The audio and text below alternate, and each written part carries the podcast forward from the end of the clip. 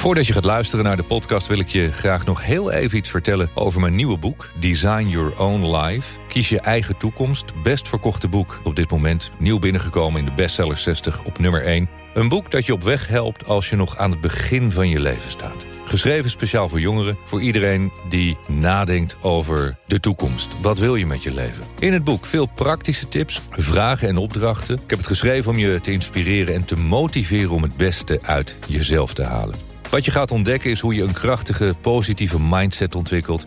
Hoe je omgaat met angst en stress, hoe je rust in je hoofd vindt... en hoe je invulling kan geven aan jouw meest ideale leven. Te koop bij iedere boekhandel en natuurlijk ook online. Een nieuwe Leef je mooiste leven podcast met vandaag een uh, bijzondere gast. Hij heeft een hele bijzondere mooie naam. Um, oorspronkelijk uit Nederland, maar al heel lang weg, reist over de wereld.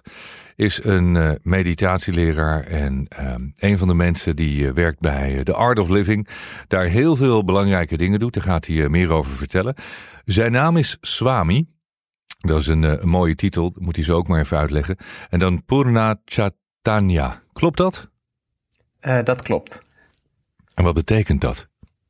Um, nou, nou, je hebt het op zich heel goed uh, gedaan hoor, Michael. Ik heb vaak dat mensen het toch wel lastig vinden. Zeker. Uh, het is niet makkelijk. Nou ja, buiten India, hoe spreek je dat in hemelsnaam ja. uit? Um, het is inderdaad, zoals je al zei, Swami is een titel. Um, is, het is een, een, een eeuwenoude traditie, de, de Vedische traditie. Ik vind het woord Vedisch mooier dan Hindoe, omdat dat eigenlijk pas later kwam als woord. Dus oorspronkelijk was het een, de Vedische traditie in India um, is een eeuwenoude traditie waar ook een, uh, ja, een, een traditie is van, ja, zeg maar, de meesters, de mensen die de kennis doorgeven. Dus het wil niet zeggen dat iedereen monnik moet worden, en dat is ook helemaal niet nodig. Maar er zijn mensen die zeggen van, nou, ik heb eigenlijk heel weinig of bijna niks of niks voor mezelf nodig. En ik wil uh, graag mijn leven wijden aan het dienen van de samenleving, uh, deze kennis doorgeven. Uh, en in die zin uh, ja, wordt Swami vaak vertaald als iets van ja, een, een monnik of een spiritueel meester of een leraar. Um, letterlijk betekent het iemand die ja, ge, zich helemaal in zichzelf heeft gevestigd of iemand die, die, die het zelf beheerst of, of daarin verblijft, kan je eigenlijk wel zeggen. En uh, het is dus een, een traditie uh, waar je ingewijd kan worden. Je kan niet zelf besluiten op een dag van nou ik ben vanaf morgen swami. Je moet dan wel een, ja, een meester hebben die deel is van die traditie die jou daarin inwijdt. Die ook het gevoel heeft dat jij daar klaar voor bent, dat jij dat ja, waardig bent. Um, en Purna Chaitanya is de naam die ik, toen ik werd ingewijd als swami van mijn meester uh, Gurudev Sri Ravi Shankar heb ontvangen. Uh, dit is ook uh, het gebruik dat wanneer iemand ja, eigenlijk zijn, persoonlijke verantwoordelijkheden heeft volbracht en zich dus wil gaan inzetten voor de wereld, eigenlijk voor dus de wereld om zich heen, in een dusdanige ja, toewijding dan zeggen ze oké, omdat je niet meer voor jezelf leeft eigenlijk, uh, krijg je ook een nieuwe naam. Dus zoals je al zei, ik ben in Nederland geboren, uh, heb daar ook netjes mijn studie afgemaakt. Uh, soms met wat minder zin, maar wel gedaan. en ehm, toen was ik gewoon nog Alexander. En een aantal jaar later, na naar India te zijn vertrokken en me daar nog meer in ja, de kennis van yoga, meditatie, mantra's en de Vedische geschriften te hebben verdiept. En daar ook als uh, vrijwilliger bij de, de Art of Living in verschillende posities heb gediend bij allerlei um, ontwikkelings- en humanitaire projecten die ze daar runnen.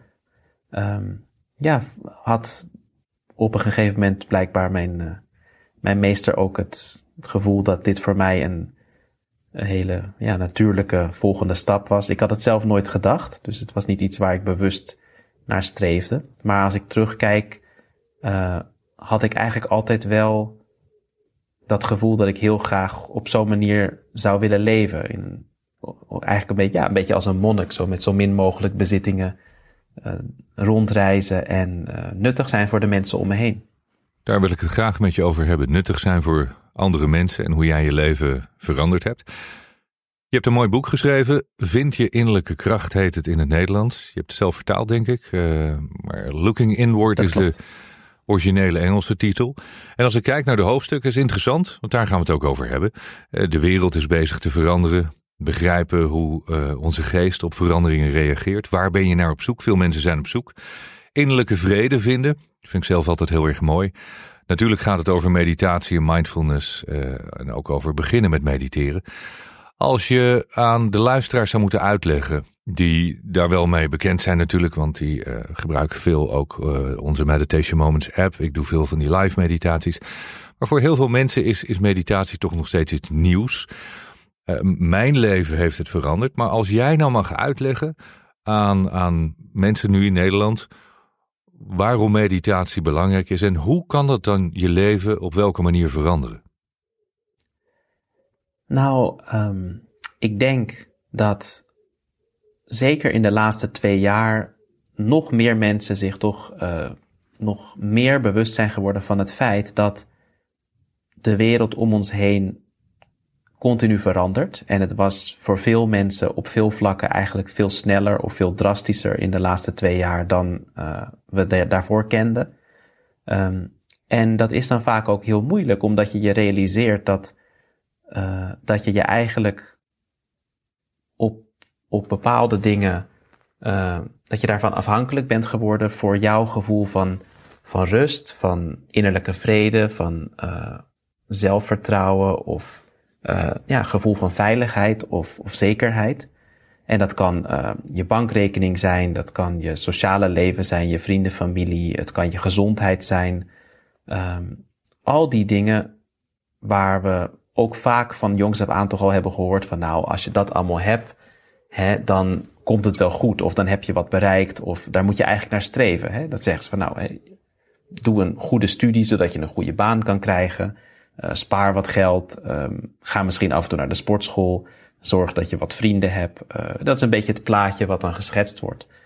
Maar ik denk wat steeds meer mensen zich toch gaan realiseren is dat zelfs als al die dingen er zijn, wil dat niet zeggen dat ze er altijd zullen zijn.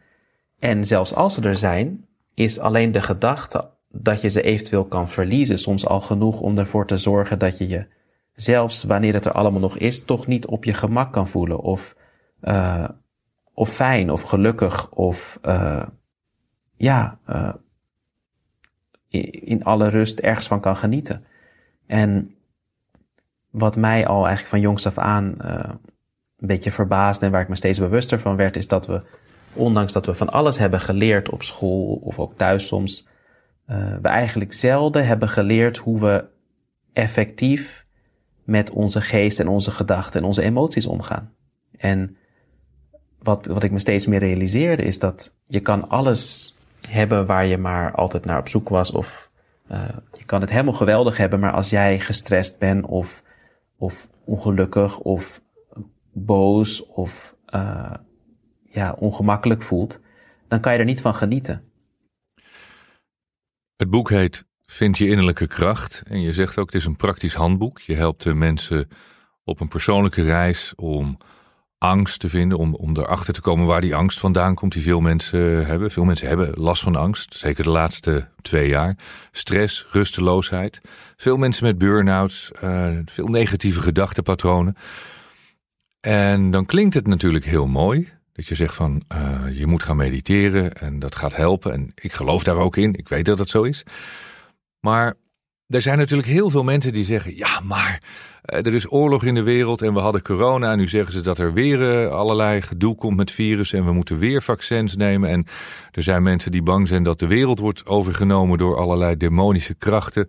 Dat we straks onze vrijheid kwijtraken, dat het geld opraakt, de inflatie die is torenhoog. Nou feitelijk, als je het uh, kort samenvat, zou je kunnen zeggen, de wereld is uh, op haar einde.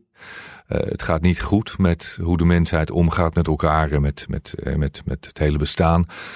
Um, dan kun je natuurlijk gaan mediteren, maar wat verandert dat dan aan de werkelijke wereld om ons heen? Nou, er zijn hier twee aspecten, zoals ik uh, zoals ik dat, dat heb gezien en, en zie, is dat aan de ene kant um, is de wereld om ons heen toch altijd ook uh, een deel onze perceptie. En, en helaas zien we dus dat er ook tegenwoordig uh, ja, het meeste wat ons wordt voorgeschoteld, hè, of dat nou de, de mainstream media zijn, of tot op een bepaalde hoogte ook uh, op social media, want er wordt toch heel veel gesuggereerd. Hè, tegenwoordig zelfs op Instagram krijg je dan suggested posts en suggested profiles. En het is niet ook alleen maar wat jij zoekt, maar hè, op YouTube ook bepaalde video's worden je voorgeschoteld. En soms denk ik ook wel eens van nou, waar komt dat dan vandaan?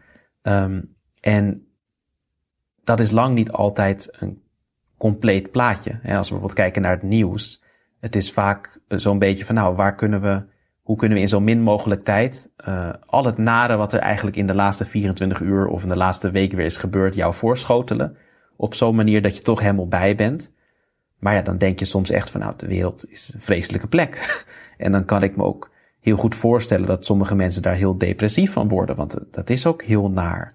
Uh, te, tegelijkertijd zien we dat er ook heel veel mensen zijn die juist hele mooie dingen doen. En um, ik heb persoonlijk dat ook uh, zelf uh, en in mijn directe omgeving ervaren tijdens de lockdown bijvoorbeeld. Waar zoveel mensen die eigenlijk misschien daarvoor toch altijd ja, toch druk waren met hun eigen leventje, om het maar even zo te zeggen. Gewoon dat ze hun dingetjes op orde hebben. Je hebt je hobby's, je vrienden, je werk, je verantwoordelijkheden. Maar die in die situatie ook steeds meer gingen denken van, oh, maar ja, vergeleken met anderen heb ik het eigenlijk toch nog wel heel goed. Of je ziet in je omgeving mensen die het nog moeilijker hebben. En die daar dan ook iets aan bij gingen dragen. En um, ik heb zelf ook met allerlei soorten mensen gewerkt over de jaren heen, inclusief uh, ja, echt hardcore criminals, om het zo maar te zeggen. Dus in, in high security gevangenissen, uh, in India, ook in Afrika. Um, en ik ken mensen die bijvoorbeeld ook in Europa uh, heel veel in uh, ja, met, met, met de gangmembers, met gevangenen werken. En dan is het verbazingwekkend om te zien hoe uh, mensen kunnen veranderen. Of ik wil niet eens veranderen zeggen, maar hoe een, een, ja, een regelmatige beoefening van ademhalingstechnieken, van meditatie, um, wat heel effectief is om ook hè, van stress, emoties, impressies, trauma's en zo af te komen. Hoe dat kan veranderen, hoe iemand uh, zichzelf ziet, hoe die de wereld om zich heen ervaart en hoe die daarmee, uh, ja, hoe die daarop uh, reageert. En dan zagen we dus dat, en dat, zie ik nog regelmatig, dat mensen, wanneer ze dus heel veel van die stress en, en al die trauma's en dingen um, kwijtraken, dat het eigenlijk ook hele mooie, fijne mensen zijn, maar die waren dus toch zodanig, ja, gestrest en, uh, en wat ze al niet allemaal hebben meegemaakt, um, dat ze, dat, dat ze bij, zeg maar wat minder in contact waren met dat, dat, stuk, dat stukje menselijkheid of die menselijke waarde of uh, nou ja, wat wij vaak zien als, als de, positieve kwaliteiten van mensen. En ik denk dat we dat zelf ook uh, vast wel hebben ervaren. Dat soms ben je al moe of je bent al een beetje gestrest. En dan sta je veel minder open voor de behoeften van anderen. Je bent ook veel minder uh, bereid om anderen te helpen. Dat, dat zie je regelmatig op straat ook. Sommige mensen gedragen zich, nou ja, wat we dan asociaal noemen. Hè? Die zijn zich, maken zich helemaal geen zorgen over uh, wat er eventueel met jou gebeurt als je met een auto afsnijden. Of uh, terwijl wanneer jij je heel goed voelt, zo'n dag dat je heerlijk hebt geslapen, of je bent op vakantie, of je komt terug van de vakantie, je bent even een stuk meer ontspannen, je zit goed in je vel, dan als jij ziet dat iemand hulp nodig heeft of iemand struikelt of valt, zonder na te denken zal je die persoon dan een hand reiken of zeggen van, oh, kan ik je helpen of hè, ben je oké? Um, dus aan, het, aan de ene kant is het dat stukje van hoe, als wij gaan mediteren, hè, als je regelmatig mediteert en dus die kwaliteit, uh, dat aspect van je leven verbetert, dan zie je dat je ook de wereld om je heen, ja, toch uh, op een wat, uh, ja, ik zou zeggen, meer uh, realistische manier gaat bekijken. En dus ook dat iets anders ervaart. Dus die angst neemt daar ook af. Uh, tegelijkertijd zorgt het er ook voor dat je dus ook vanuit jezelf, omdat je toch iets minder bezig bent met jezelf van, oh, ik wil me goed voelen of ik wil gelukkig zijn, want je bent het dan al. Je, bent, je voelt je beter, je voelt je gelukkiger. Dat er ook meer ruimte is om dan dus wat voor anderen te doen. En dat is misschien niet een directe oplossing voor bepaalde problemen die we nu zien. Hè? Als we het hebben bijvoorbeeld over, nou, er is een, een dreiging van oorlog. Uh, ja, iemand die hier in, thuis zit in de huiskamer kan daar misschien niet direct iets aan doen. Maar aan de andere kant zie je ook, het is uiteindelijk toch weer ook een, uh, het, het collectief is ook een optelsom van alle individuen. En uh, hoe meer mensen toch bewuster gaan leven en ook de keuzes die ze maken, dan heeft dat ook een impact uiteindelijk op, uh, op het beleid of op bepaalde dingen. Zoals we bijvoorbeeld nu zien dat er veel meer um, vegan en vegetarisch eten beschikbaar is dan 20, 30 jaar geleden. En dat is voor een, een deel ook omdat er nu veel meer vraag naar is. Dus uiteindelijk als jij, uh, als jij zegt van nou ik wil alleen maar vegetarisch eten, dan zal bijvoorbeeld een McDonald's toch ook een vegaburger moeten gaan aanbieden, want ja, anders dan gaan ze erop achteruit. En uh, op dezelfde manier zie je dat als genoeg mensen heel bewust kiezen voor, nou ik noem maar wat, een, uh, een beleid dat meer open staat voor, nou ik noem maar wat, ook een meer holistische kijk op, op gezondheid of meer natuurlijke remedieën of een meer, een meer een beleid wat meer gefocust is op een, ja, een non-violent approach, dan zal dat toch ook op een gegeven moment heb je toch een soort, ja, zo'n zo'n keerpunt. Um, en dat, dat is eigenlijk in alle, ja, alle industrieën. Maar als je kijkt naar wat er in de wereld gebeurt. Ik, ik, ik ben ervan overtuigd. De, de Maharishi Mahesh die zei uh, halve eeuw geleden al van... als heel veel mensen tegelijkertijd mediteren of op uh, vaste momenten mediteren... en dat is iets van 1 of 2 procent van, van de hele bevolking... dan ja dan verandert de energie in een bepaalde omgeving, in een stad of in een gebied, waardoor er, en dat hebben ze toen de tijd aangetoond, minder eh, criminaliteit is, minder ziekte, minder boosheid, minder irritatie. Dus eigenlijk, mensen gaan veel meer open zijn, ontvankelijk, meer leven vanuit liefde. Um, geloof jij daar ook in? Denk je als meer mensen zich daarvoor openstellen en meer mensen op die manier gaan leven, dat we uh, naar een mooiere samenleving gaan met, met minder gedoe, minder oorlog? Uh, of ja, moet ik dan heel, heel erg pragmatisch gewoon kijken naar de afgelopen twee jaar. Waarbij ik zeg, hoe overheden de hele pandemie hebben aangepakt is eigenlijk uh, schandalig, uh, heel ernstig. Er is niks gedaan aan de verbetering van, van de volksgezondheid. Hoe zie jij dat? Uh, nou, ik ben het aan de ene kant helemaal eens met nou, wat je ook al zei. Dat collectieve bewustzijn, ehm, ja, daar die, zeg maar, die kwaliteit van verhogen dat heeft een, een algehele impact. En nou ja, kijk alleen maar bijvoorbeeld op, op een kantoor. Als mensen naar, in, samenwerken in een kantoor en iemand is heel gestrest, dan heeft dat een impact op iedereen daar. Op, op de hele kwaliteit van jouw werken, ook het resultaat. Uh, anderen raken ook meer gestrest daardoor. Op dezelfde manier als iemand heel, ja, heel fijn is, als die heel medelevend is, heel, uh, veel, veel, veel meer enthousiasme heeft, dan heeft dat ook een impact op de mensen om zich heen. En dan dat is misschien een heel praktisch, uh, kleinschalig voorbeeld, maar zeker in de samenleving, hoe meer mensen, nou, zo, zoals je al zei, vanuit zo'n kwaliteit gaan leven. En bijvoorbeeld door uh, heel regelmatig te mediteren. Zelfs al is het niet eens de helft van de mensen, maar een, kleiner aantal. Als het er genoeg zijn, dan maakt dat heel veel uit. En um, zoals ik al zei, ik heb ook gezien bijvoorbeeld in, in ja, instituties als bijvoorbeeld een gevangenis, hoe hoeveel impact dit soort programma's kunnen hebben. Zelfs als niet iedereen daaraan meedoet.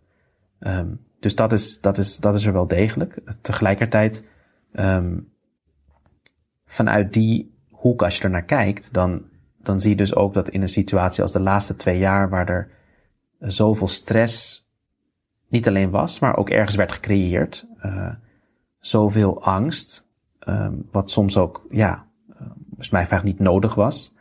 Uh, ja, dan heeft dat dus ook wel degelijk een impact. En ik denk dat dat ook zeker, uh, nou ja, een, die, die hele uh, situatie, die hele pandemie vanuit deze hoek ook dus, uh, ja, niet alleen dat, dat nou ja, het medisch of het gezondheidsaspect heeft beïnvloed of geraakt. Want we zien dat ook in de wereld, ook in andere delen van de wereld. Zag je in Amerika opeens waren er die rellen en zo. En dat was niet alleen dat ene, dat ene issue. Dat was ook omdat gewoon zoveel mensen zo gefrustreerd waren en boos en angstig. Ja, dat moest er ergens uit. En um, in die zin is het ergens niet vreemd dat als, als de wereld zeg maar zo gestrest is, ja, dat we dan meer conflicten gaan zien. Of meer uh, geweld of uh, ja, dat soort uh, uitspattingen, zeg maar. En daarom is het denk ik alleen nog maar belangrijker, juist in deze tijd ook, dat, dat we mensen toch die, uh, die middelen aanreiken om, om daaruit te kunnen komen. Om dan toch weer die innerlijke vrede te vinden. Dat doe je met, met je boek. Uh, dat doen jullie met de hele Art of Living. Uh, wat overigens, weten niet heel veel mensen misschien, maar het is een gigantisch grote organisatie. Hè? Echt wereldwijd. Heel veel mensen die zich daarbij hebben aangesloten in de afgelopen, nou wat is het inmiddels, uh, 40 jaar. Um, Art of Living helpt heel veel mensen wereldwijd, vooral in de gebieden waar, uh, nou ja, laten we maar zeggen, waar vaak oorlog is en, en honger. Uh, beschrijf je ook in je boek hè, dat er is toch wel een, um, een angst dat, dat, dat we straks tegen de miljard mensen gaan krijgen die gewoon niet meer genoeg te eten hebben. Uh, en, en, jullie hebben heel veel projecten, weet ik, hele mooie projecten om mensen te helpen. En ik vind het altijd zo mooi dat, dat, mensen zoals jij, ik wil straks ook wat, wat meer hoe je dat persoonlijk doet en hebt ervaren. Uh, ik vind het heel mooi hoe, hoe jullie dat doen. En aan de andere kant zie ik zoveel van die boze mensen die dus altijd maar weer voor die conflicten zorgen. Uh, waarbij het altijd gaat om macht en geld en uiteindelijk oorlog. En ik heb van de week ook wat dingen op social media ge, geroepen van ja, er worden nu, ik geloof dat er afgelopen jaar voor 2 triljoen aan, aan wapentuig is geïnvesteerd. Um, dat, dat, is dus 2000 uh, miljard. En denk ik van nou, met, met dat geld hadden we volgens mij de, de honger wel uit de wereld kunnen helpen. Uh, en, en toch die, die eeuwige strijd tussen nou ja, tussen, uh, laten we zeggen, goed en kwaad. Of, of kwaad en kwaad eigenlijk. Want volgens mij wil goed nooit een strijd aangaan. Die, die blijft maar voortduren. En zolang als de mensen bestaan, is er eigenlijk al, is er al altijd wel gedoe geweest. Als je dat nou vanuit jullie optiek bekijkt, en vanuit jouw persoonlijke perceptie, denk je dan van, uh, ja, we doen wat we kunnen. En ik vind ook dat we dat moeten doen. Maar, maar heb je niet af en toe het idee dat je denkt van, ja, wat we ook doen, die vrede op aarde en wat we eigenlijk willen bereiken voor iedereen. Uh, het is meer een illusie aan het worden als je kijkt naar de, de huidige werkelijkheid. Nou, kijk, uiteindelijk is deze wereld of uh, deze manier van de wereld ervaren, zeg maar, dat is toch, het weet je, het is een dualiteit. Dus je zal altijd dag en nacht hebben op dezelfde manier. Um, zal je nooit volledig bijvoorbeeld uh, ziekte kunnen uitroeien of uh, en ook als we kijken naar naar de, kwaliteiten van mensen, er zullen misschien altijd wel wat mensen zijn die jaloers zijn of die meer willen of die niet tevreden zijn of die uh, ja, heel egoïstisch zijn. Maar aan de andere kant, hè, zoals je al zegt, um, we, we, do, we, we doen ook wat we kunnen. En het mooie is, um, als ik ook kijk bijvoorbeeld naar, naar de, zoals je al noemde, de, de Art of Living organisatie. Uh, ik zelf heb me daar dan dus jaren geleden als vrijwilliger bij aangesloten in de zin van echt gezegd nou, ik wil dit um, ja, gaan doen. Ik wil bijdragen en dan niet ook tijdelijk, maar dit wil ik gewoon echt ja, uh, dag en nacht gaan doen. Omdat het zo nuttig is, omdat ik zie dat we heel veel mensen kunnen helpen. Maar we hebben dus, nou ja, honderdduizenden, misschien wel miljoenen mensen nu over de hele wereld die, die hebben misschien ook hun gezin, hun baan, maar die zeggen, nou, ik wil toch wat van mijn tijd ook uh, gebruiken en wat van mijn energie en soms wat van mijn nou ja, middelen of wat ik ter beschikking heb om iets positiefs te doen voor de wereld om me heen, om mensen of de samenleving op, of de natuur op een bepaalde manier te helpen.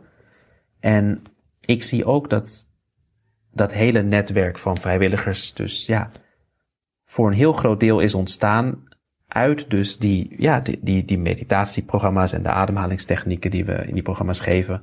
Uh, die mensen dan helpen om toch wat ja, van hun stress kwijt te raken, zich meer gelukkiger, vrediger te gaan voelen. En wanneer dat zo is, dan komt dat eigenlijk vanzelf. Dat je zegt van nou, ik heb, ik voel me al goed. Wat kan ik doen voor de mensen om me heen? Um, En het is nu natuurlijk aan de ene kant, uh, er is nog een heel deel in de wereld die het heel moeilijk heeft. En we zullen inderdaad misschien niet altijd iedereen kunnen helpen of kunnen bereiken. Uh, tegelijkertijd um, doet het me altijd denken aan een klein ja, verhaaltje of een parabel. Dat, heeft mijn, een van mijn leraren dat ook ooit gedeeld in een programma jaren geleden, toen ik daar net mee begon.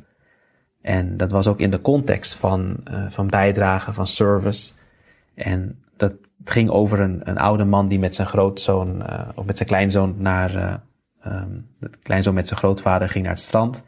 En er waren allemaal van die zeesterren aangespoeld, want er was een storm geweest de nacht daarvoor. En ja, die zeesterren kunnen niet heel lang buiten het water overleven.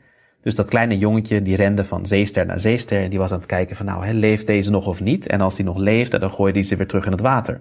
En het ging 10, 20, 30 minuten zo door. En op een gegeven moment, ja, het werd steeds later. Uh, de, de grootvader werd ook uh, op een gegeven moment een beetje onrustig en zei van nou, het heeft lang genoeg geduurd. Dus die riep de jongen een paar keer en die zei van nou, we moeten naar huis. Maar elke keer dan ging hij net weer een paar stappen verderop. Uh, vond hij nog een zeester, gooide die ook weer terug. En toen op een gegeven moment werd die, die opa een beetje geïrriteerd en die zei van nou, weet je, wat heeft het nou voor zin? Er zijn er duizenden, uh, je kan ze toch niet allemaal helpen. En nou, het verhaal gaat dan als volgt dat dat jongetje nog een paar stappen doet, nog een zeester oppakt, even kijkt of hij nog leeft en dan zegt hij nou, ik kan ze misschien niet allemaal helpen, maar voor deze maakt het al het verschil. En toen gooide hij hem weer terug in het water. En ik denk dat uh, ja, dat is ook mijn, mijn insteek, hoe ik erin sta. Van ik, ik kan misschien niet alle kinderen die nog geen onderwijs krijgen, uh, een schooltje bieden of een, een, plek bieden waar ze dat kunnen krijgen. Ik kan misschien niet iedereen die honger heeft uh, voeden op dit moment. Of misschien ooit wel. Maar ja, iedere persoon die ik toch kan helpen, of, uh, of het nou door dat boek is, of een cursus, of een, of een project, of wat dan ook ja, voor die persoon kan het toch heel veel uitmaken. En ik had zelf nooit gedacht dat ik me zou bevinden waar ik nu ben. Uh, over de laatste 15 jaar heb ik programma's gegeven en, en, en talks en van alles voor uh, honderdduizenden mensen. Dat had ik nooit gedacht. Um, in mijn, in, vanuit mij kan ik weer duizenden mensen inspireren om ook iets positiefs te gaan doen. En dat is toch ook ooit begonnen met iemand die mij uh, ja, deze kennis heeft geïntroduceerd. En natuurlijk mijn spirituele meester, uh, die me al jaren daarin ook uh, ja, begeleidt en, uh, en vooruit helpt, zeg maar. Dus in die zin denk ik van ja, je weet nooit wie er op je pad komt. iemand heeft jou ooit geïnspireerd, of misschien wel heel veel mensen. En jij bent op dit moment ook weer, nou ja, honderdduizenden mensen ja. aan het inspireren. Ja, je hebt gelijk. Dus, je hebt soms maar één dus iemand nodig. Hè? Ja, dat en wie waar. weet hebben we er niet één, maar tien. Dus ja, ja. in die zin denk, ben ik het helemaal met je eens dat op heel veel, in heel veel opzichten de wereld nu eigenlijk veel minder leuk lijkt dan een paar jaar geleden. En het was toen al niet geweldig misschien. Maar tegelijkertijd zie ik ook nog steeds meer dat misschien juist doordat het uh, nog evidenter is, dat er toch steeds meer mensen ook uh, ja, naar voren komen en zeggen van hé, hey, ik wil hier iets aan gaan doen. Ik wil, en dat kan of het nou voor het klimaat is, of voor de politieke situatie, of, of de natuur, de, of, of de uh, ja, de armoede of wat het ook is, of het hele systeem. Um, ik wil daar wat aan doen. En uh, mensen doen dat op allerlei manieren. Maar ik vind het heel mooi om te zien hoe er ja, toch steeds meer zulke mensen opstaan. En dus ook dat er ook iets resoneert. Hè. Ze hebben misschien allemaal hun eigen bereik. Uh, het zijn verschillende lagen van de samenleving of verschillende clubjes. Maar uh, ja, die dan toch ook weer mensen kunnen inspireren om bewuster te leven, bewustere keuzes te maken of meer voor anderen te doen, of nou ja, noem maar op. Dus wie weet, uh, het kan ook opeens weer uh, ja, veel meer de goede kant op gaan. Uh, ik hoop dat we daar niet te veel nadigheid voor nodig hebben. Dat mensen echt wakker worden, want ja, dat is natuurlijk ook zoiets. ik denk wel dat we steeds meer in een wereld leven waar je eigenlijk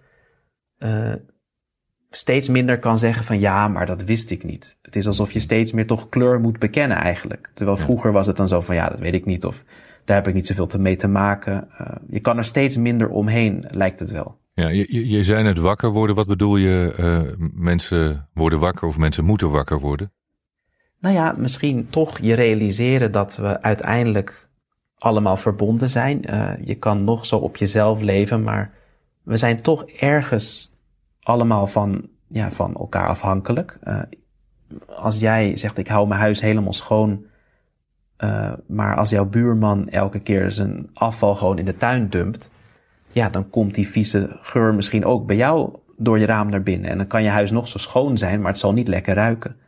En in die zin denk ik dat, het, uh, dat mensen toch steeds meer in gaan zien dat het niet alleen gaat om wat jij misschien thuis doet, of wat je op je werk doet, of wat je met je vrije tijd doet.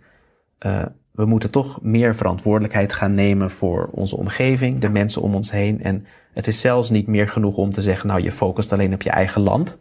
Want ja, uh, jouw land kan het helemaal prima doen, maar dat zien we nu. Maar als er ergens anders een conflict is, gaat dat jou ook beïnvloeden. En uh, in die zin denk ik dat het toch steeds meer een kwestie is van uh, ja, wakker worden in de zin van je realiseren dat we zijn allemaal deel van één wereld. En als, als mensheid uh, zijn we ook afhankelijk van de natuur, van, van, van de, het hele ecosysteem. En tenzij we toch echt uh, ja, op die manier grootschaliger gaan denken, zal het een zootje blijven. Want ergens, ja, als je het mij vraagt, is het natuurlijk bizar dat iemand zegt: Oh, ik wil, nou, ik noem maar wat, mijn land iets vergroten. Of ik wil meer grondstoffen hebben voor, voor mijn mensen. Want ja, het is, het is niet, je kan het niet zo scheiden. We zijn allemaal verbonden. En hoe meer jij uh, vanuit die vernauwde hoek denkt eigenlijk, dat je dus toch niet, ja, je niet realiseert of dat die saamhorigheid niet kan, kan voelen of ervaren, ja, dan zal er altijd problemen zijn. Hoe ziet jouw meest ideale wereld eruit? Um, ja, dat is een lastige vraag. Omdat ik me wel ook heel bewust ben van het feit dat er dus altijd wel een. Hè, je zal allebei houden. Hè? Het zal ergens warm zijn, ergens koud, maar... Ja, maar even, even als we dat parkeren. Hè? We zeggen van nou, oké, okay, je, jij, bent, jij bent even, je, je zit op de wolk van God. Jij mag het zelf bepalen. Hoe, hoe, hoe creëer jij dan de ideale wereld? Volgens jouw visie. Hmm. Nou, ik denk, uh, als ik daar echt Kijk, want ja, ideaal is natuurlijk ook. Het is een hele lastige vraag hoor. Het is niet mhm. zo makkelijk. Het is, God heeft ook geen makkelijk werk. Maar nee, maar ik denk wel dat. Uh, ik denk ergens dat dat zaadje er al is uh, in iedereen. Wat ik, wat ik al zei van. Het moment dat mensen. Uh, ja, ik zou bijna zeggen meer om anderen geven dan om zichzelf. Of zich dus minder zorgen maken om zichzelf en meer om anderen dan, dan heb je een prachtige wereld. Als, als jij die ruimte hebt om ook te kunnen kijken van nou, misschien is dit fijn voor mij, maar ja, hoe, hoe beïnvloedt dat anderen? Of hebben anderen het goed? En als iedereen zoveel om anderen zal geven, heb je dus ook heel veel mensen die zo om jou geven. En dan, ja, dan denk ik dat het een hele mooie wereld is. En dan ga ik verder niet in om op alle, uh, nee, ik noem maar wat, de, de variabelen van nou, welke kleur moeten de bomen zijn of, uh, of hoe, hoe, hoe zouden we precies moeten leven. Maar ik denk als een basisprincipe dat, ja, dat idee van uh, wat we eigenlijk al, al, misschien van jongs af aan ook hebben gehoord. Hè, van uh, hoe uh, behandel anderen zoals je zelf behandeld wil worden. dat, dat is eigenlijk een heel simpel principe, maar dat is een van de, de basisprincipes, denk ik, voor een wereld die, ja, ideaal is misschien een groot woord, maar die, die heel mooi is. Dus dat echt kunnen leven, dat implementeren. En uh, ja, dat is natuurlijk ook iets waar, waar ik naar streef en wat ik ook van mijn meester heb geleerd. Dat uh, een, een, die, die menselijke waarde of die spiritualiteit, hoe meer we dat uh, um, ja, kunnen ervaren, kunnen leven, dan, dan wordt de wereld steeds mooier. Je noemde je meesters. de eerste, de tweede, ooit begon het. Ooit was je gewoon Alexander in Nederland. En en toen zat je op school en toen ontstond er, uh, ik probeer even een beeld te schetsen, ontstond er iets in jou, in ja, in je innerlijke zelf, waaruit je dacht van, ik, ik wil straks later, wil ik iets gaan doen met mijn leven, wat je nu doet. Um, wat niet heel veel mensen hebben, laten we zeggen, als ze 15 jaar zijn op de middelbare school. Kan je ons een beetje terugnemen naar dat moment waar je die keuze hebt gemaakt om dit leven te gaan leven. Want hoe oud ben je nu? Ik ben nu 37. 37. En wanneer ontstond dat idee? En wanneer kwam je die eerste meester tegen die je echt op dat pad heeft geholpen? Um, als ik terugkijk, denk ik dat het ergens, uh, ergens had ik altijd al zoiets van, nou, het lijkt me heerlijk om een leven te kunnen leven met, ja, het klinkt misschien heel uh, apart voor sommige mensen, maar met zo min mogelijk bezittingen. Uh, ik zag het dan een beetje voor me als een soort van knapzak waar je dan alleen je broodnodige dingen in hebt. En dan, maar dus ook die vrijheid van uh, ja, rondtrekken in de wereld of uh, van plaats naar plaats gaan. een beetje zoals een monnik, zoals ik me dat voorstelde van nou hoe een monnik zou leven.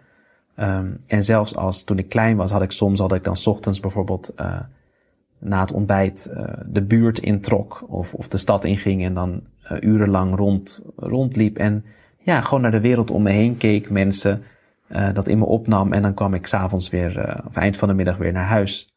Dus ja, bijna een soort van, ja, misschien toch een uh, soort impressie van een vorig leven of zo. Dat, dat was ergens, was het heel, zat dat er heel diep in. Um, ik weet ook nog als mensen me dan vroegen van nou, wat wil je later worden? Dan was het niet zo'n standaard iets van nou, ik wil, ik wil voetballer worden of bankdirecteur of nee, hè, mensen hebben allerlei ideeën. Um, ik had zoiets van nou, het lijkt me heerlijk om, om, om iets te kunnen doen waar ik mensen mee kan helpen, maar dan op zo'n manier. Dat eigenlijk als een, uh, ja, uh, je, je trekt rond, je doet wat je kan en je zet je leven in of uh, je, bijna je offert je leven op, zeg maar, voor het grotere geheel. Um, en nou ja, ik, ik ben ook opgegroeid met hè, films als, als Karate Kid, Star Wars. dat vond ik allemaal heel mooi. en dat was ook weer toch dat hele idee van, nou, je vindt een, een meester en die kan jou onderwijs die kan jou leren hoe je, ja, je, je geest meester kan worden, hoe je je hele potentieel kan leven. Um, maar ook dat stukje, ja, toch ook opoffering van nou, hè, zoals je al zei, een beetje vechten voor, voor het goede, uh, de wereld beter maken. En uh, ik ben toen verschillende vechtsporten gaan doen, omdat ik daar ook nog dat stukje toewijding, discipline, uh, toewijding, en dat ook dat, ja, dat toch streven naar jezelf beter leren kennen, je, je geest uh, te overmeesteren, zeg maar. Um, maar ook dat stukje traditie. Dat je, oh, je hebt, een, je hebt een leraar, dat respect is er voor de leraar, voor de traditie. Die geeft iets door wat hij weer van zijn leraar heeft geleerd. Uh, dat, dat stukje ceremoniële, dat sprak me heel erg aan. En tegelijkertijd ook, uh, ik wilde op een gegeven moment wat meer leren over meditatie. Dat was natuurlijk een heel klein deel was dat er al in de vechtsporten, maar heel beperkt. En um, mijn ouders hebben leren mediteren tijdens hun studie. Dus toen ik klein was, mediteerden ze dan soms ook wel thuis. Uh, ik wist daar verder niet heel veel van, maar het, ja, het laat dan toch een soort impressie achter van ben je toch een beetje nieuwsgierig van nou, hoe werkt dat dan? Wat is het?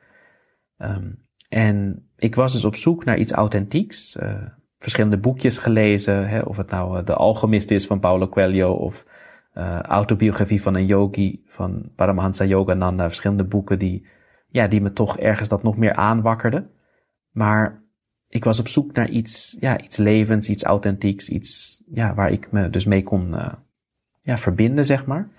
En toen ik 16 was, um, hoorde mijn moeder via een vriend dat uh, Sri naar Amsterdam zou komen voor een lezing. Um, ik kende hem toen nog niet. Um, zij had net van hem gehoord, maar ze zei tegen mij en mijn broertje, nou, er komt een spirituele meester uit India naar Amsterdam. Dat was in de beurs van Berlage. Die grote zaal, prachtig. En die gaat daar een lezing geven over uh, menselijke waarden en spiritualiteit. Nou, um, dat leek me heel interessant. Ik had nooit een spirituele meester uit India ontmoet. En uh, nou ja, wij zijn daarheen gegaan. Wat dat betreft, uh, dat idee wat ik had klopte wel een beetje in de zin van, ik denk van nou, dan heb je misschien een man met hè, lang haar, baard, gewaad. Nou, het was inderdaad zo.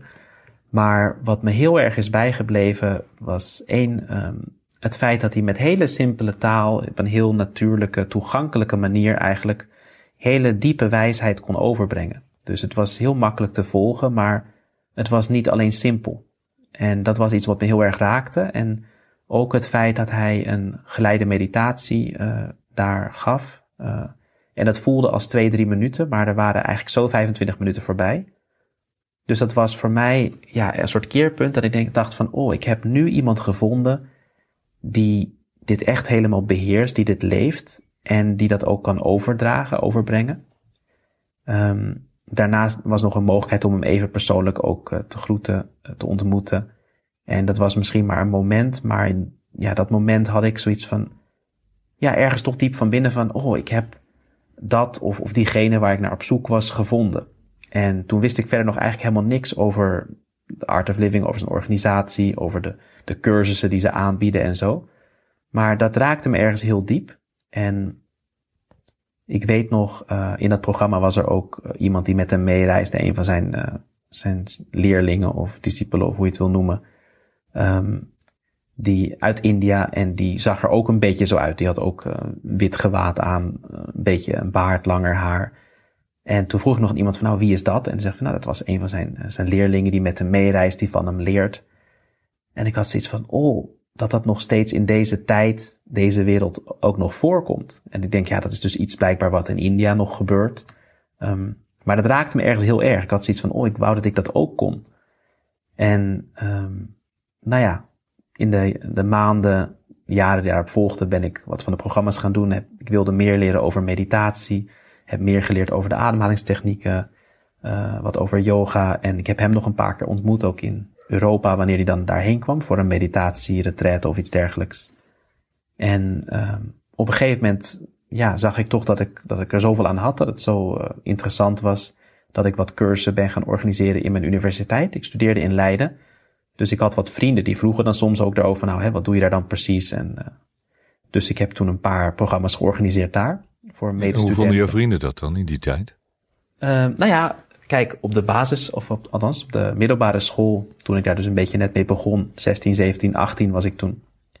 Um, toen uh, weet ik nog, soms dan was het zo, dan hadden we bijvoorbeeld een, uh, ja, een examen of iets dergelijks. En dan uh, vroeg een van mijn vrienden, dat was een goede vriend van mij, die zei dan, die zag dat ik eigenlijk heel relaxed was. En toen zei hij van, hé, hey, wat heb je gerookt? Want hij had zoiets van, ja, dan heb je waarschijnlijk toch iets van een joint gerookt of zo, want anders ben je niet zo chilled out voor een examen. En zij deden dat wel eens. Ik had er nooit heel veel uh, mee. Ik heb het zelf nooit geprobeerd, zal ik heel eerlijk in zijn. Uh, verder over niks op tegen hoor. Kijk, als ze dat wilden doen, vond ik het prima. Maar ik had het iets van, nou, hoeft voor mij niet.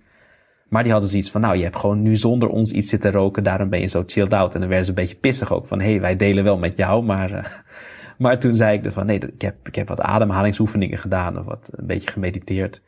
En er werd dan een beetje om gelachen soms ook. Maar wat ik wel apart vond is dat ja, heel langzaam dat ze toch dan soms één voor één zo bij naar me toe kwamen. Zo van, hé, hey, maar uh, wat doe je dan precies? Of kan je mij dat ook leren? Omdat ze toch zagen van, ja, het doet wel toch iets met hem. En dat werd steeds duidelijker eigenlijk.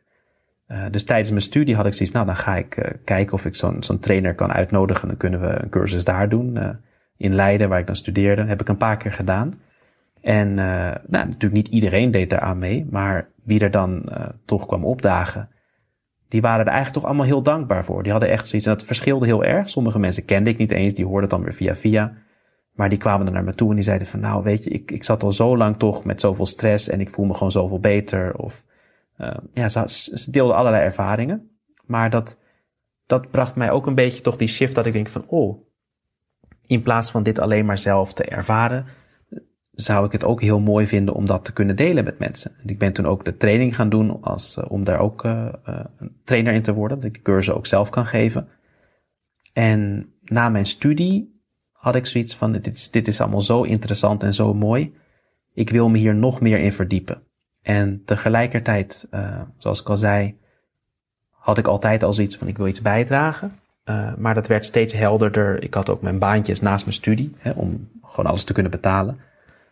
En ik had zoiets van, nou, ik wil niet, uh, ik zie mezelf niet een gewone baan doen, uh, 9 tot 5, vijf dagen in de week of misschien nog meer, zodat ik mijn huur kan betalen en al die dingen. En dan heb ik misschien een dag of een paar uur over elke week om ja, nog iets bij te dragen echt aan de wereld of de mensen om me heen.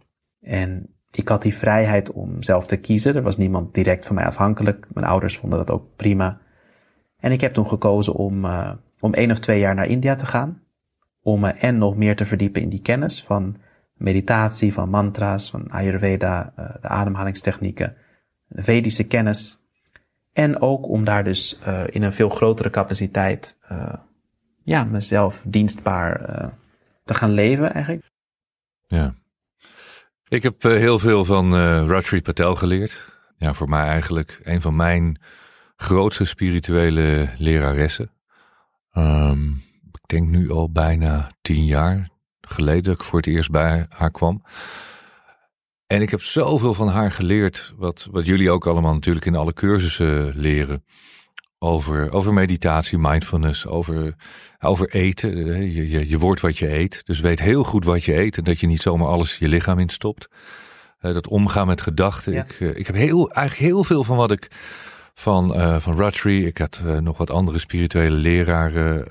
ik had ook zakelijke leraren. Ik heb eigenlijk van wat je eerder zei, we hebben meerdere leraren uit, uit dat hele scala heb ik ja, kennis, ervaring gehaald. Natuurlijk aangevuld met mijn eigen levenservaring. En daar heb ik mijn versie van gemaakt, die ik dan weer probeer door te geven aan mensen. Dus als jij dat op jouw manier doet. Um, wat ik eigenlijk wil zeggen is, of meer wat ik eigenlijk wil vragen, laat ik het zo zeggen. Heel veel van die dingen lees ik natuurlijk ook terug in jouw boek. Uh, vind je innerlijke kracht. Ik vind het heel mooi geschreven overigens. Uh, had je het in het Engels geschreven en toen zelf terugvertaald naar het Nederlands?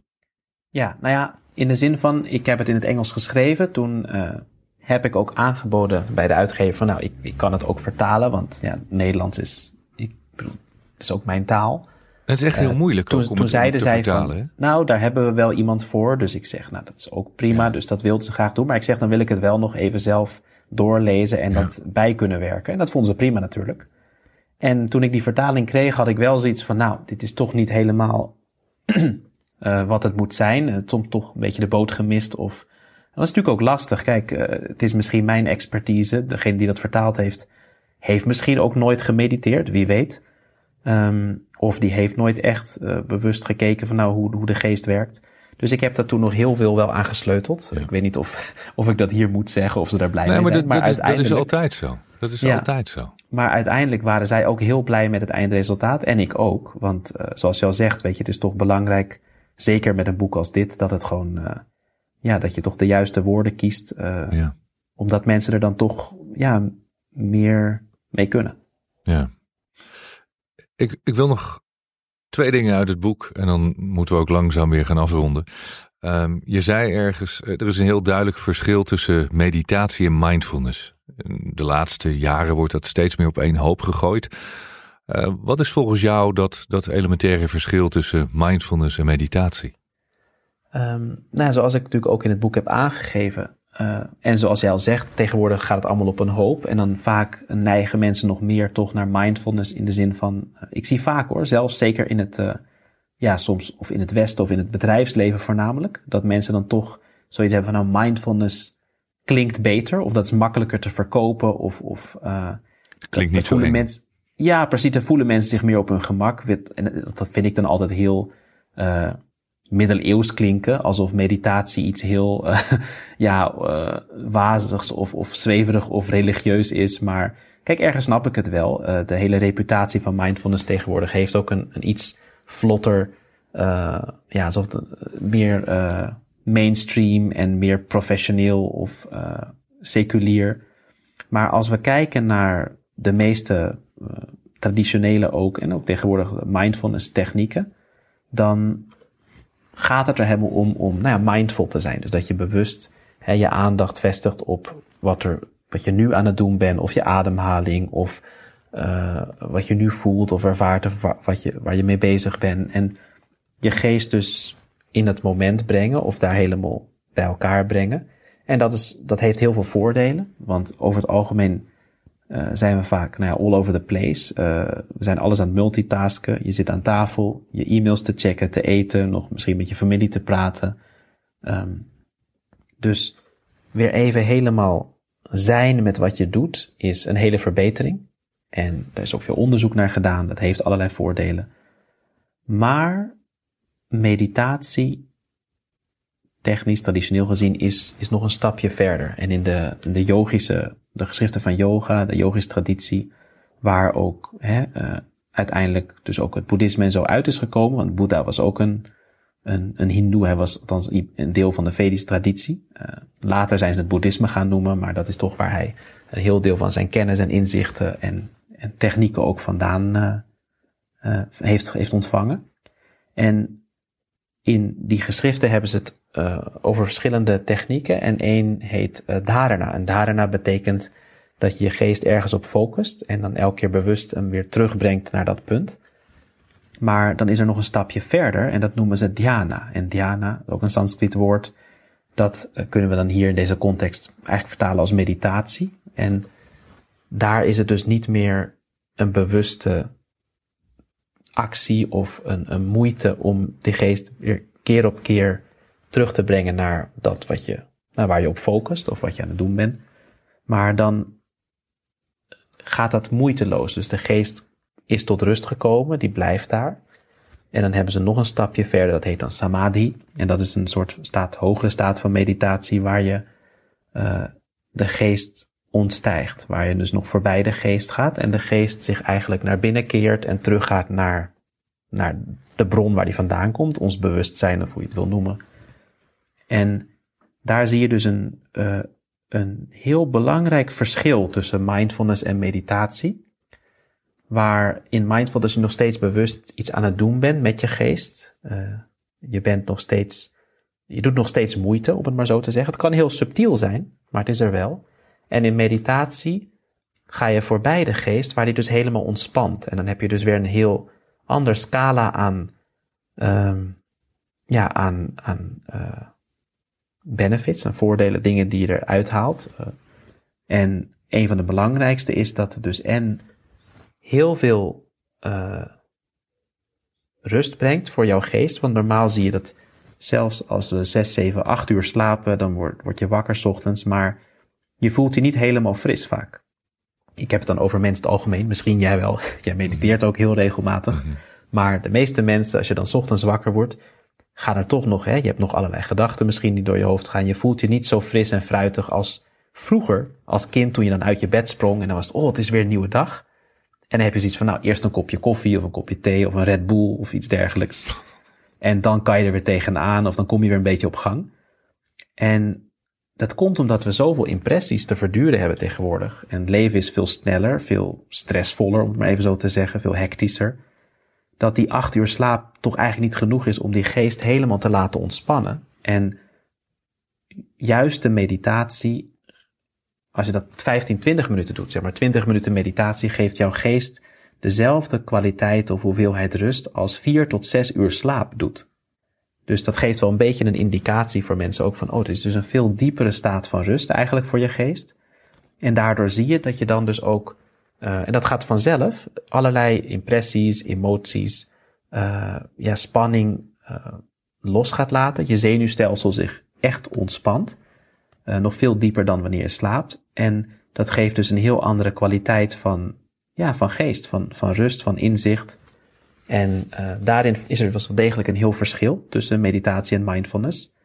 Maar het is wel goed om dat te weten ook voor mensen. Want je hebt tegenwoordig ook zoveel uh, video's, boeken, apps. En dan heel veel van die meditatietechnieken zijn soms meer uh, eigenlijk mindfulness technieken. Of het dan mhm. visualisaties zijn of ja. wat dan ook. En zoals ik al zei, er is niks mis mee, maar het is wel een verschil. En um, een stukje wat ik daar ook nog bij heb benoemd natuurlijk, ook in het boek, is dat in die hele poging om het uh, nog misschien toegankelijker te maken voor mensen of nog, uh, nog meer secular of um, ja, nog meer uh, soms ook bijna wetenschappelijk of, of mainstream.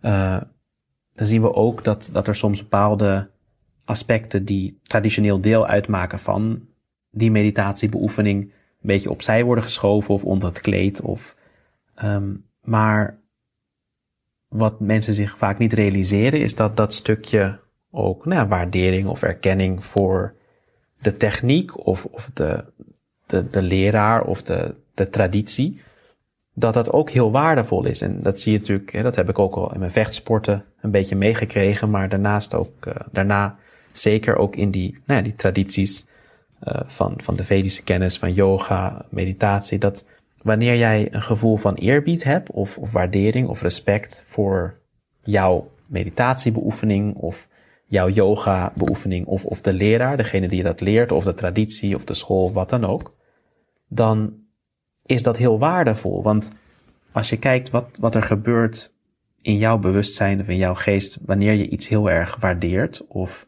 daar heel veel eerbied of respect voor heb, dan, dan is jouw geest al helemaal in het, in het nu, in het moment. Dan ben je er al helemaal bij. Hè? Bijvoorbeeld als een, uh, een hele speciale gast bij jou thuis komt. Stel, hè, je hebt mensen die jouw podcast luisteren.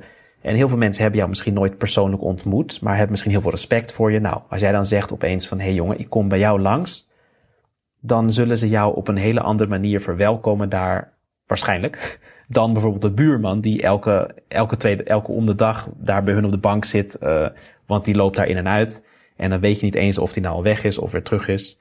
Dus als jij daar dan, stel jij komt daar aan en ze oh, Michael komt bij mij thuis. Nou, misschien nog het huis helemaal aan kant. En als jij daar binnenkomt, dan zijn, is die hele aandacht daar. Oh, waar gaat die zitten? Hebben je wat drinken? Hmm. Wat vind je lekker? Ik noem maar wat. Mooi voorbeeld. Dus wat je dan ziet is dat als je daar bewust van wordt van, oh, het verschil is dat je geest dan al helemaal daar is, moeiteloos. Dan hoef je, geen, je hoeft je niet te concentreren, dat gaat vanzelf. En veel mensen hebben toch ook uh, ja, de, die uitdaging van, dan wil je bijvoorbeeld wel even gaan mediteren of ontspannen. En dan zit je bijvoorbeeld daar en denk je, nou, ik wil even uh, zo min mogelijk gedachten hebben of helemaal, helemaal tot rust komen. Maar we hebben heel veel gedachten, er gaat van alles door je heen. Terwijl als jij, als dat ergens gecultiveerd is, dat je echt zoiets hebt van, oh, mijn, die tijd met mezelf bijvoorbeeld, of deze meditatietechniek die ik van iemand heb ontvangen, of uh, die eerbied naar, naar jouw leraar of naar de traditie, als dat er is, dan zal je zien dat wanneer je gaat zitten, door dat gevoel van eerbied of respect, of, of hoe je het ook wil noemen, is jouw geest al helemaal in het moment. Je bent er al helemaal bij, zonder er moeite voor te hoeven doen. En is dus eigenlijk meer dan de helft van wat je daar wilde bewerkstelligen al gedaan. En dan kan je dus veel dieper en veel makkelijker mediteren, bijvoorbeeld.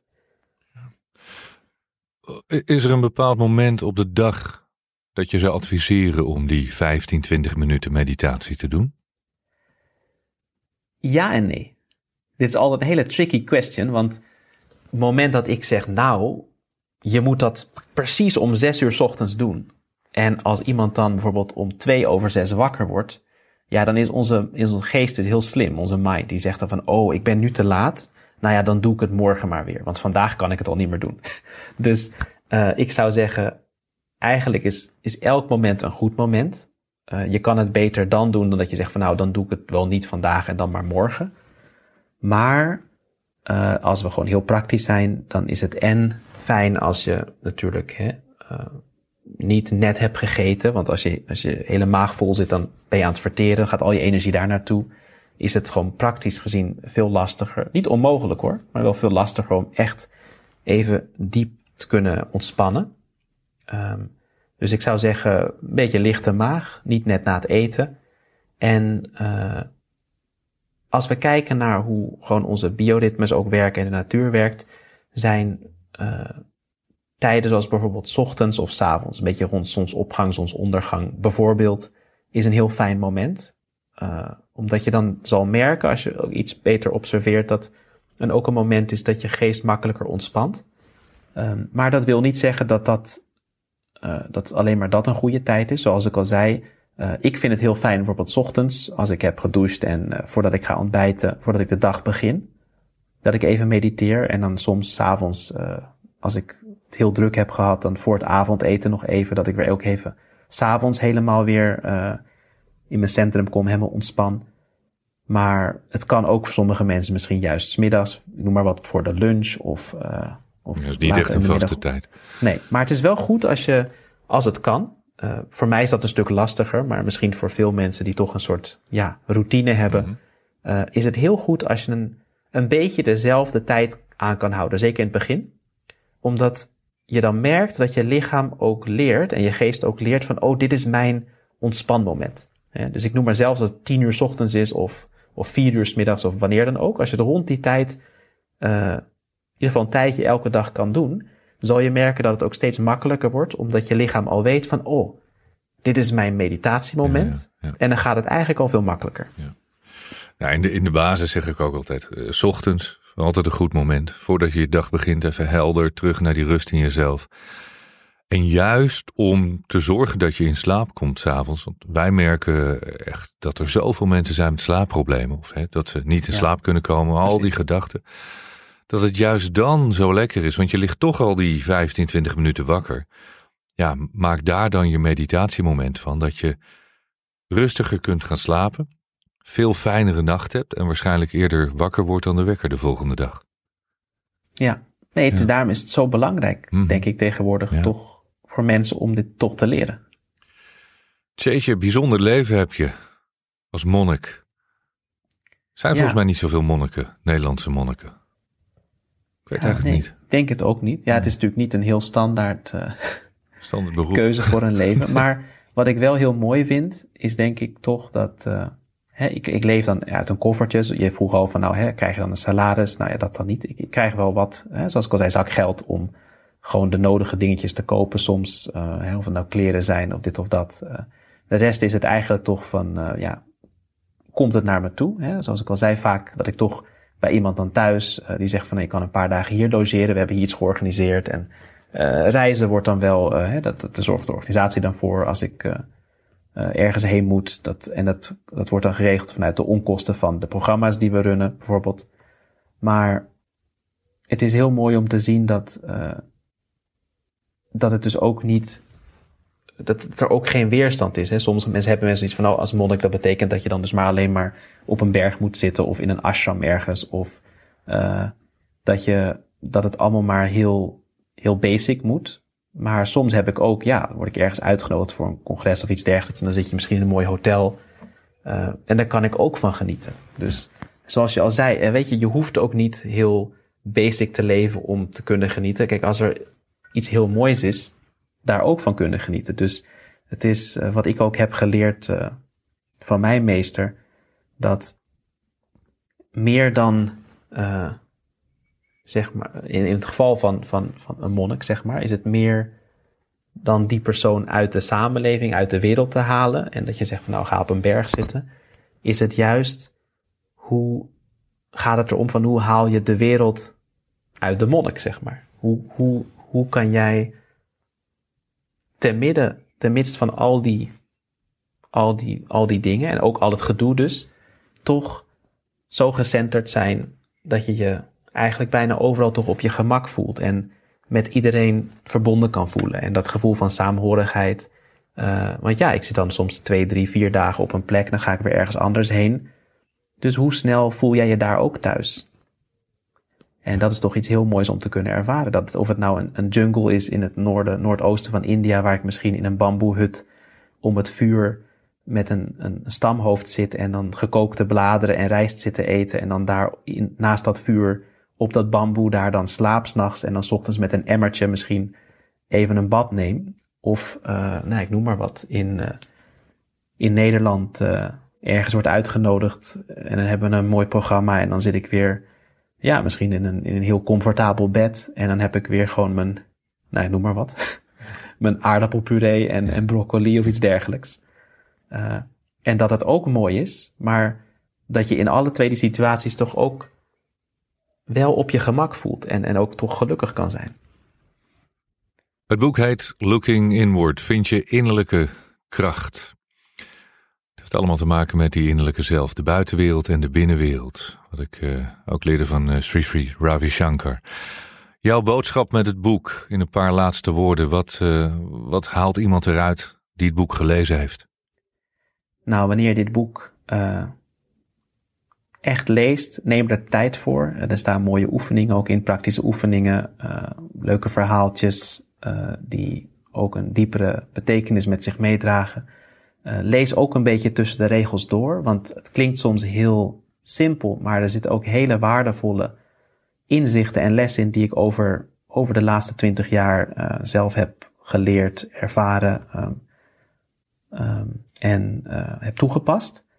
Maar voor mij, ik denk misschien nog wel een van de belangrijkste dingen die het je kan geven, zoals ik dat ook in het boek heb gezegd, is dat het een hele mooie shift kan brengen in je leven. Een, een, een ja, verandering, zeg maar, of een keerpunt, waardoor je niet meer je leven gaat leven als een pursuit of happiness, als een, als een, een zoektocht naar geluk eigenlijk maar dat je je leven gaat leven als een, kan gaan leven als een expression of happiness. Dus dat betekent dat je je leven leeft vanuit dat geluk.